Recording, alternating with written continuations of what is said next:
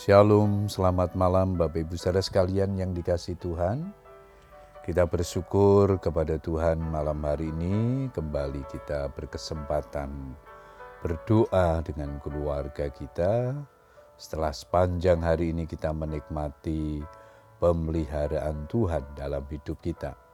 Namun sebelum berdoa saya akan membagikan renungan firman Tuhan yang malam hari ini diberikan tema penyertaan Tuhan yang sempurna.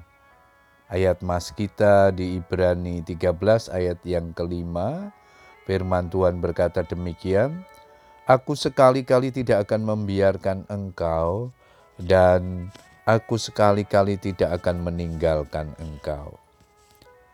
Kita patut bersyukur karena kita memiliki Tuhan yang tidak pernah meninggalkan kita di mana pun kita berada, dia selalu ada. Dialah Jehovah Sama, Tuhan yang Maha Hadir.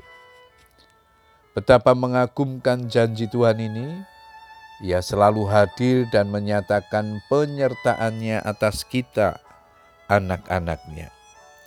Tidak ada pemimpin agama mana pun yang berjanji dan memberikan jaminan penyertaan kepada umatnya seperti Kristus Ayat mas ini merupakan penegasan apa yang Tuhan sampaikan kepada murid-muridnya.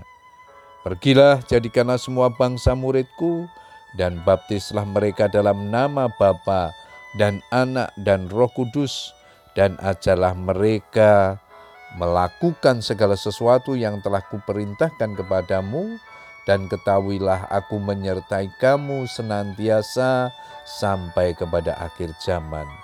Matius 28, 19, 20. Janji Tuhan menyertai umatnya tidak pernah diingkari. Awal ketika diutus Tuhan membawa bangsa Israel keluar dari Mesir, Musa sempat menolak karena merasa tidak mampu dan tidak cakap bicara. Namun Tuhan menguatkannya, pergilah, aku akan menyertai lidahmu dan mengajar engkau apa yang harus kau katakan. Keluaran 4 ayat 12.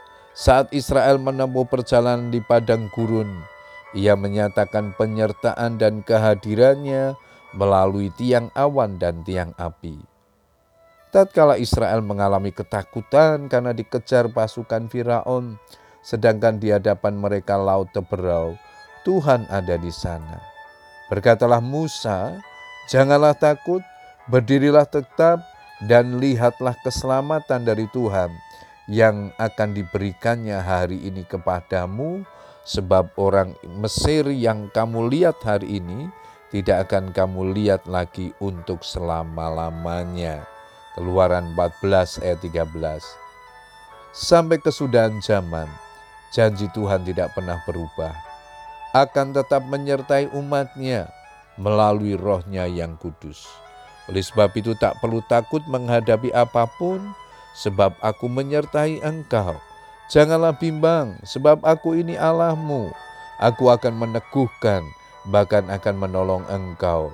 Aku akan memegang engkau dengan tangan kananku yang membawa kemenangan. Yesaya 41 ayat yang ke-10.